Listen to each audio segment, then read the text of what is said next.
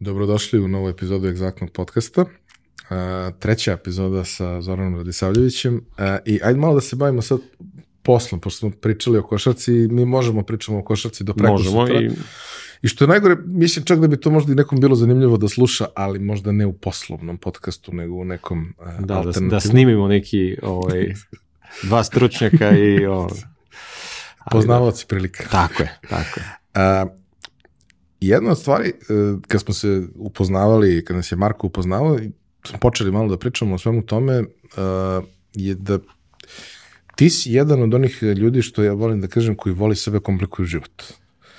Tebe u principu ti projekti koji su relativno jednostavni nikad nisu zanimali.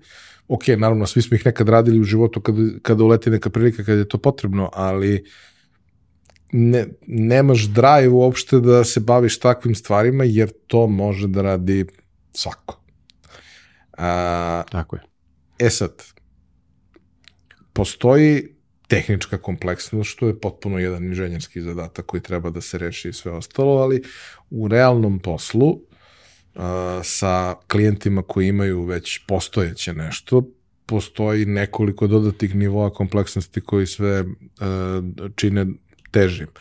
Ja se sećam kad sam, ovaj, kad sam kretao da predajem klincima na, na FMK na upravljanje projektima, na prvom predavanju je bilo, bio vic koji je za početak Ove, lako je bilo Bogu da stvori sve za sedam dana kad nije imao postojeću infrastrukturu i bazu korisnika. Da, tako je. I to mi je nekako uvek bilo dobar introduction da im objasnim jedna je stvar kad ti praviš nešto od nule, a druga je stvar kad ti imaš 30 godina nečega, Da. što radi i dalje radi i svakog trenutka radi i ti treba da napraviš rešenje koje će da bude bolje od toga da se ne desi gubitak, da imaš sve unazad kompatibilno da funkcioniše, da sve bukvalno ono da skočiš iz aviona i sastaviš padobranu u letu i na kraju završiš to kako valja. E pa pošto ti radiš tu vrstu projekata, e, prvo kako si uopšte došao do toga, a onda prosto probaj da mi, da mi oslikaš neke one o kojima možeš da pričaš specifičnosti da ljudi malo ra razumeju o čemu, je, o čemu je tu reč. Pa prvo došao sam do toga, mislim ono godine seda kosa i brada i sve ostalo, ovaj, dođeš vremenom uh, do projekata koji uzme jedna firma pa se polupa, pa uzme druga firma pa se polupa i to sve traje po dve, tri godine, četiri, mislim, uh, da li to ima veze sa nekim velikim sistemom ili sa državom, to su bili mnogi pokušaj da se, da se neke stvari naprave bolje, brže i digitalnije i da se to nije desilo. To je da su ljudi, da su ti projekti proglašeni neuspešnim jer a, a, najteže je na novim projektima a, naterati ljude da razmišljaju drugačije, odnosno da prihvate promenu. Ljudi jako teško prihvataju promenu.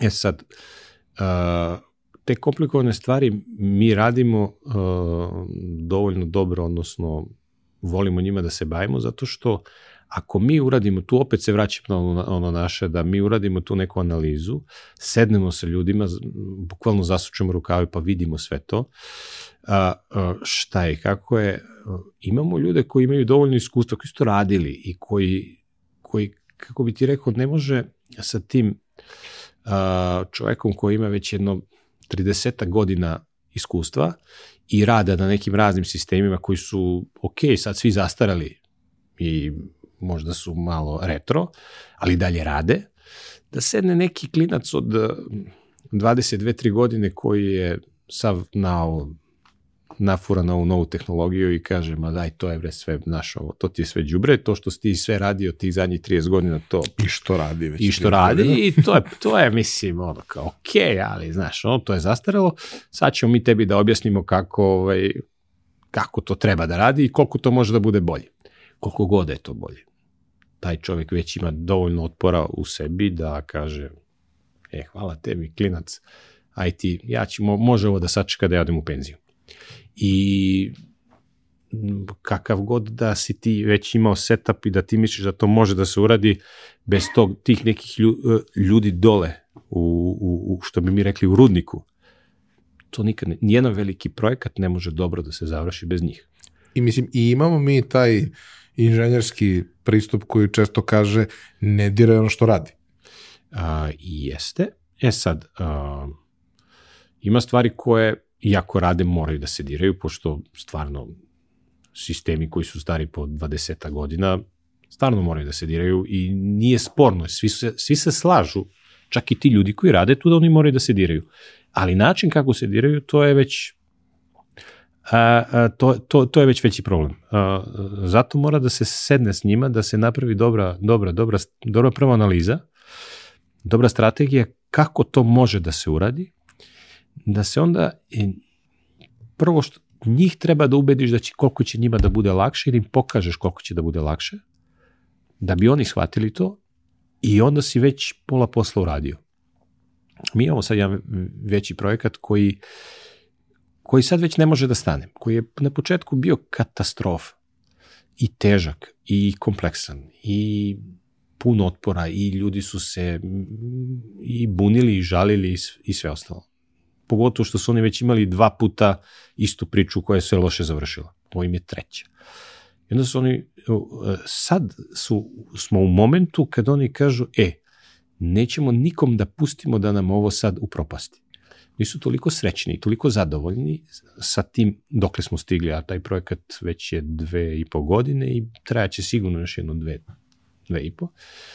Kaže, ne, ne, ne, strpit ćemo se, ajmo mi još ovo, ajmo još ono da to bude pušteno sve kako treba, mi želimo, ovo je nešto najbolje što se nama desilo u zadnjih 20-30 godina. E, ti posle tog komentara nemaš nikakav problem.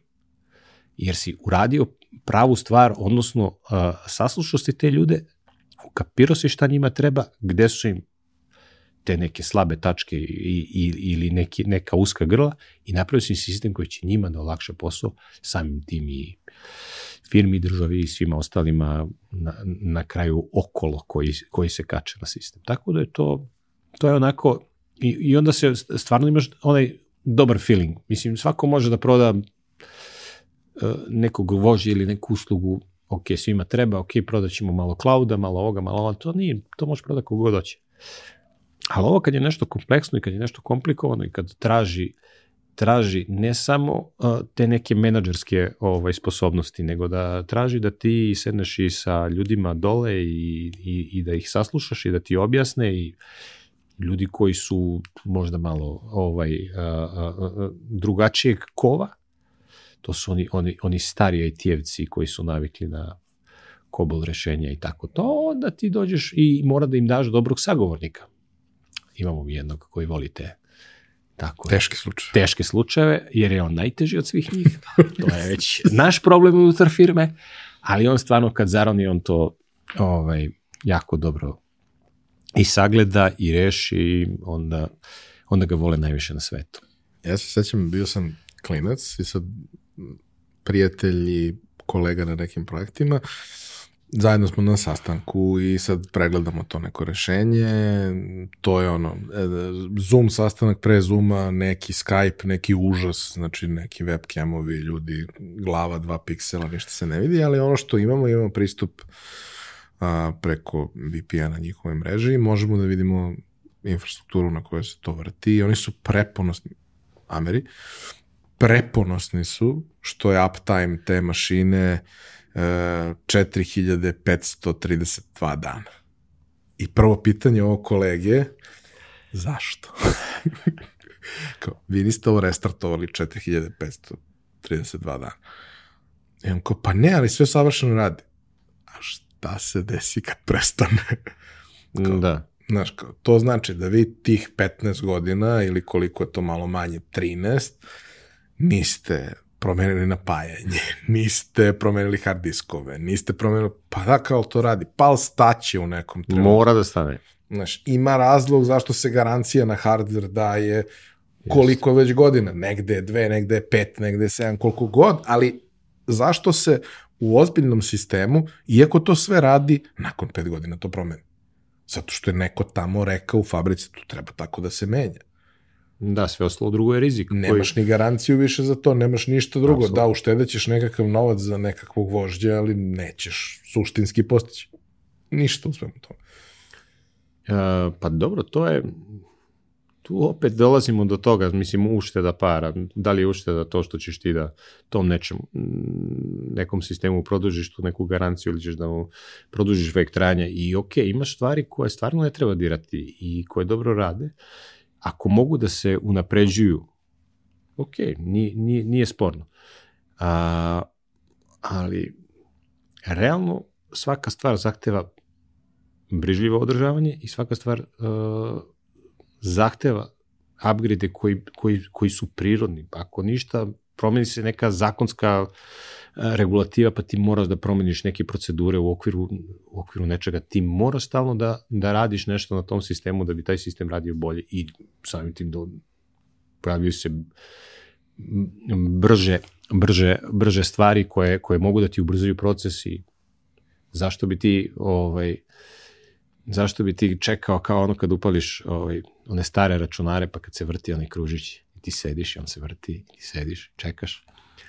A, svi... I dok ne čuješ Da. čuveni zvuk, Jest. znaš da nema ništa. Ali recimo ove no, novije generacije, ja gledam po mom sinu, onako upali to i da se to odmah ne bude sve trenutno naš, na telefonu ili na tabletu ili na kompjuteru. Kao šta je ovo, ovo, nije dobro. O, o, ovde nešto ne radi kako treba. Pa dobro, sačekaj malo. Pa sačekao sam 5 sekundi, mislim. Kao, 5 sekundi nije, nije, nije, nema... Ali dobro, to je drugi problem.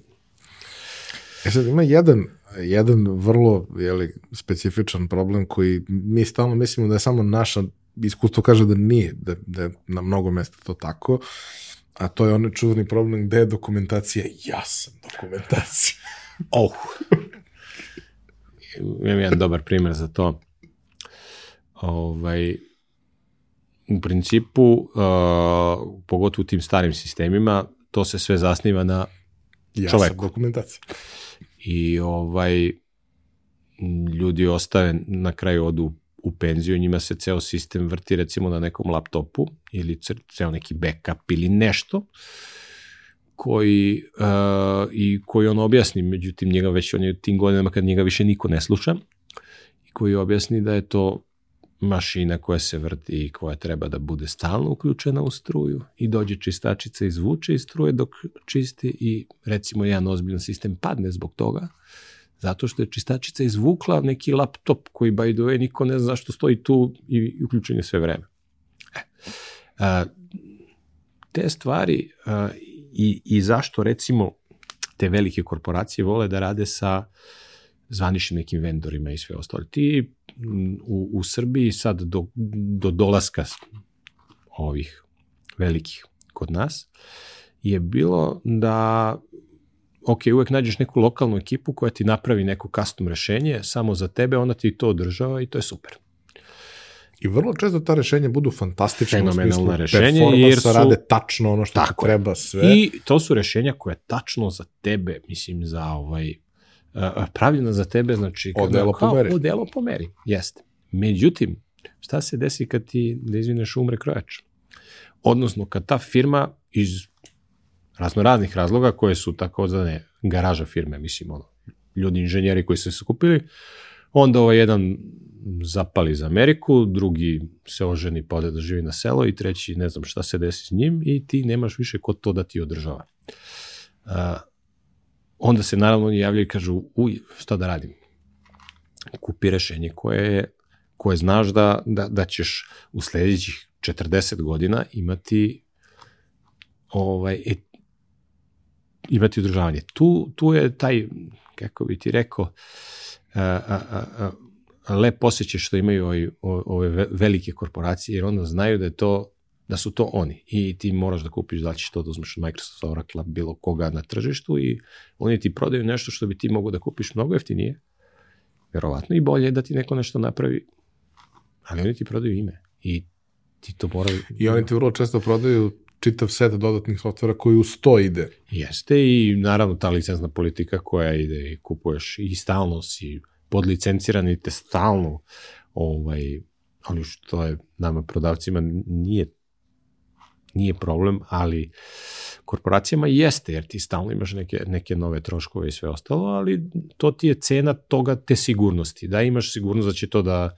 da neko vodi računa, da to redovno upgradeuje i da će to raditi za 10, 20, 30 godina i da ćeš ti moći da se osloniš na njih, da neće da se ocele za Ameriku. I da će to da radi na hardveru koji je u tom trenutku aktualan, Jeste. a sada ne znamo kakav će ni da bude. Naravno, ti ovaj, rešenja se stalno menjaju. Ima sad ovo rešenje sa tim vodenim hlađenjem koje ja mislim da će da bude sledeće onako baš. Da, ima kod nas uh, Zaran Data. Imaju. Jako je, mislim, ne mogu baš da kažem, sad ono, bio sam u X data centara i ja znam šta je data centar i za mene je to data centar. Ovo je fenomenološki beskreno zanimljivo, Mm -hmm. ali ne vidim veliku skalu toga u principu, ali nije isključeno. Mislim, skupo je malo u startu i sve. Jeste. I jeste, recimo, to mi je bilo interesantno kad, sam, kad smo baš pričali o tome i prezentovali su case kao taj moment gde on kaže i da, neke komponente ipak ne mogu, one moraju da, jer ne mogu iz bilo kog razloga. Ali kao velika većina ostalih stvari u toj nekoj tečnosti koja nije voda, nego je neke, neke, neko ulje, ako se Fluid. dobro razumem. Ali je super zanimljivo, jer kao ne Imaju neki, ne imaju neki slovenci jedno super rešenje, oni rade to tačkasto, oni to rade na nivou procesora ili grafičke karte ili s- svega, rade vodno hlađenje na nivou nekog fluida. Radimo dosta stvari s njim, jako e, poboljš... Mislim, to je čovek inženjer koji je gamer. Da, da, I onda to je posebna, posebna priča. jeste, on je uzeo i napravio prvo to za sebe, zato što mu se za sve te igrice trebaju grafičke karte koje su brutalne i onda ajde da, da mi to ohladimo, pa i da ohladimo ovo. Njegovi računari su sad, mislim, to je stvarno izgleda fenomenalno. I sistemi za hlađenje sad već velikih ovih i, i, i, i rekova i svega je tu količinu toplote ako uspeš da izbaciš iz recimo data centra Kragujevac, ti možeš da greješ pola, Kragujevca. Na primjer, i uštediš na struji, i uštediš na grenju i nije to toliko skupo. To ti je isti princip kao sa kolima. Kola prva su bila na Vazdušno vazdušno hlađenje. I performanse su trpele do nekle. E, onda su došao moment kad više nisu mogli. Ako hoćeš brži auto, mora da napraviš hladnjak, vodu i sve ostalo što je antifriz. To, jest. I to ja mislim da je i, i što se tiče gvožđe kod nas, znači to da pitanje vremena samo, pošto je uvek je problem što se nešto gre. Tako da, Ako hoćeš iz njega da izvučeš maksimalni Maksimum. performans. pa da. A, Naročito na, na duži vremenski period. a, da, i naročito to sad, sad već sve je ekstremnije i ekstremnije. To, to, to, mislim, mi imamo neku našu nišu što se, koja se bavi gamingom, imamo i neki naš uh, bootcamp gde dolaze te, ti timovi iz, i evo sad je Country Strike je menjao šta god, menjao, nešto se menjao i uh, pola tih starih računara više ne može da podrži to. Odnosno, na tom na nivou. tom nivou, ima pa treba. pazi njim, da, mislim, oni, ta takmičenja njihova su na tom nivou da ako imaš bilo kakvo kašnje i u internetu i u bilo čemu, to odmah se to ovaj, eh, vidi i to odmah se lupaju kompjuteri i odmah se to, pošto su naši gejmeri onako prilično ovaj, razmaženi kao i svi, svi sportisti. E-sport generalno ima tu neku ovaj, paralelu sa, sa klasičnim sportom koja meni na početku nije bila jasna, ali sad vidim da je to, boga mi, prilično slično.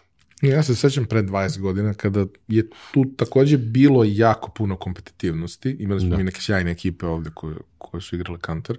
Ja nikad nisam bio nešto pretarano dobar u tom, ali sam igrao sa društvom, to mi je bilo super. Ko nije? Ovaj, I tada, u to vreme, prvo, kad uđe u igraonicu, svi znaju ko je i to, ali, znaš, kao nema tu nekih para, nema ničega od toga. Ali i tada, u to vreme mi je bilo genijalno da kao postoji neki standard i zašto idemo u igraonicu, zašto svi imamo isto, pa ako je loše, loše je svima isto. Ne možeš da se žališ na to, ali svako nosi svoj miš i tastaturu.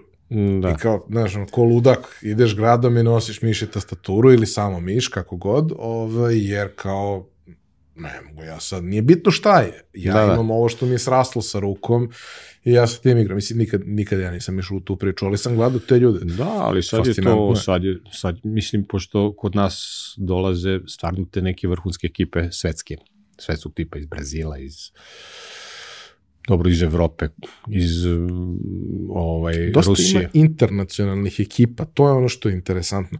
Pre je to uvek bilo, ok, ljudi su igrali jedni protiv drugih iz celog sveta, ali Da. tim je bio ekipa iz kraja koja se zna. A sada ima mnogo tih slučajeva gde se tim pravi tako što, ne znamo, tih sedam mesta ili šest koliko igraju, imaš dva Brazilca, jednog Argentinca, dva Amera i jednog Rusa. Mm, Ima slučajeva, ali dobro, mislim, inače u Kanteru i- postave mali, mislim, nije on baš ni mali, ovaj, i uh, Kovač, mislim da je Niko, on je jedan od najboljih na svetu i mislim i najplaćenijih i sve ostalo i ima tih primjera, prvo, to je ozbiljan biznis, a, o, ozbiljan novac se ovaj, Milioni ljudi gledaju streamove toga. Da.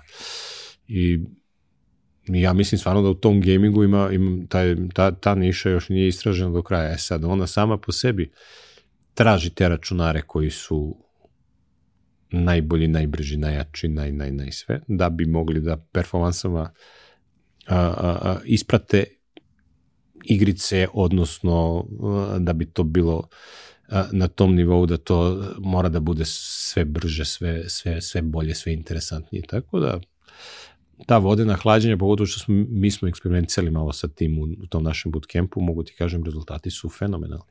Stvarno. Ja mislim, sada je to sve otišlo, dođevalo u smislu ono, monitori na kojima oni igraju su monitori od 340 Hz. Tako je. Kao, ja se sećam kad smo digli prvi put sa 30 na 60, kako je to magija bila. Bum.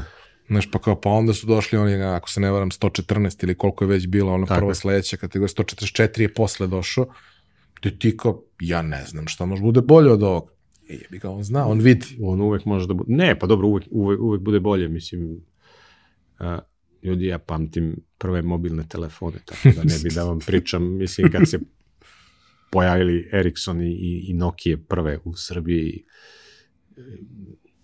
i mislili smo nema dalje. I prvi iPhone kad se pojavio onako, koji je to bio babum. Ali dobro. E, kad pričamo o, da se vratimo na IT projekte sa gaminga, Dobro. ovaj, da se vratimo na, na korporativnu priču, ono što kažeš je da, dakle, suština jeste da negde za, za bilo koji ozbiljan sistem koji želi da ima sigurnost da će to trajati ne večno, ali da će trajati, da nema dobre alternative tome da se bazira na nekom od rešenja koje su industrijski standard. Pa sad, da li je to neki Navision, da li je šta god, nije, nije važno, ali da je to way to go uglavnom. Uh, to su zicer varijante. Ako uh, uvek može da se, uvek imaš ljude koji su skloni eksperimentima i vole nešto uh, uh, što je što je njima prihvatljivije, ali to ti opet zavisi od veličine kompanije i, i da li je to stvarno korporacija, da li je to stvarno, mislim, država kao država uvek gleda da to budu rešenja koje su, što je normalno. Kompanije Uh, sad većina recimo banaka ima neke krovne ugovore koje samo spušta po, po svojim zemljama, tako da i tu više nemaš manevarskog prostora da ti budeš nešto kreativan, ali ovaj, ima, ima dovoljno malih kompanija gde ti možeš da napraviš nešto i, i, samim tim što taj kvalitet kad se pokaže i kad ti napraviš neko rešenje koje je dobro i uzmeš neki deo tržišta i nešto se desi, posle određenog vremena dođe neki veliki kupitelj. I to je sistem, tako da jako je redko da neko malo rešenje koje je dovoljno dobro ne bude prepoznato od nekog velikog dođe i kaže onog Što momenta- ja tebi ne bi stavio u svoj portfolio. Jeste. Mislim, Ili te samo ugasio.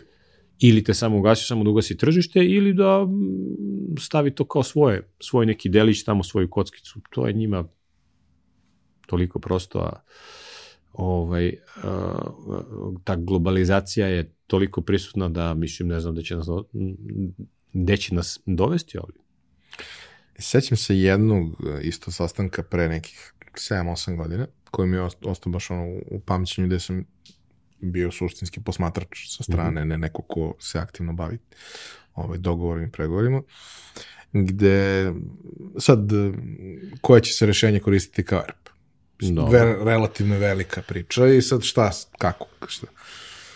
I u tom trenutku, recimo par dana pre toga, mislim da je prvi put uh, izašlo uh, da je Apple najvrednija kompanija na svetu u tom trenutku i bila je posle, posle nekog vremena je bila ona priča sa kompanijom sa najvećim količinom keša na polaganju zapravo. Dobro. Ovaj, I kao raspravljaju se tehnički direktor i konsultant integrator koji treba da radi rešenje. Još uvek je proces biranja rešenja jer trenutno to što postoji je neki Frankenstein, svakako mora da se menja. Konđula. I, ovaj, i, I čovek kaže, dobro, koja je najvrednija kompanija na svetu? I sad ovaj kao, pa Apple. Koji Apple AirP koristi? Pa kao imaju svoj. Ne, brate, koristi SAP. Da. A što Apple koristi SAP? Zato što SAP to radi najbolje na svetu. Jel savršen? Ništa nije savršeno, ali SAP to, to što njima treba, što je u njihovom slučaju na milion različitih lejera koje čega Apsolutno.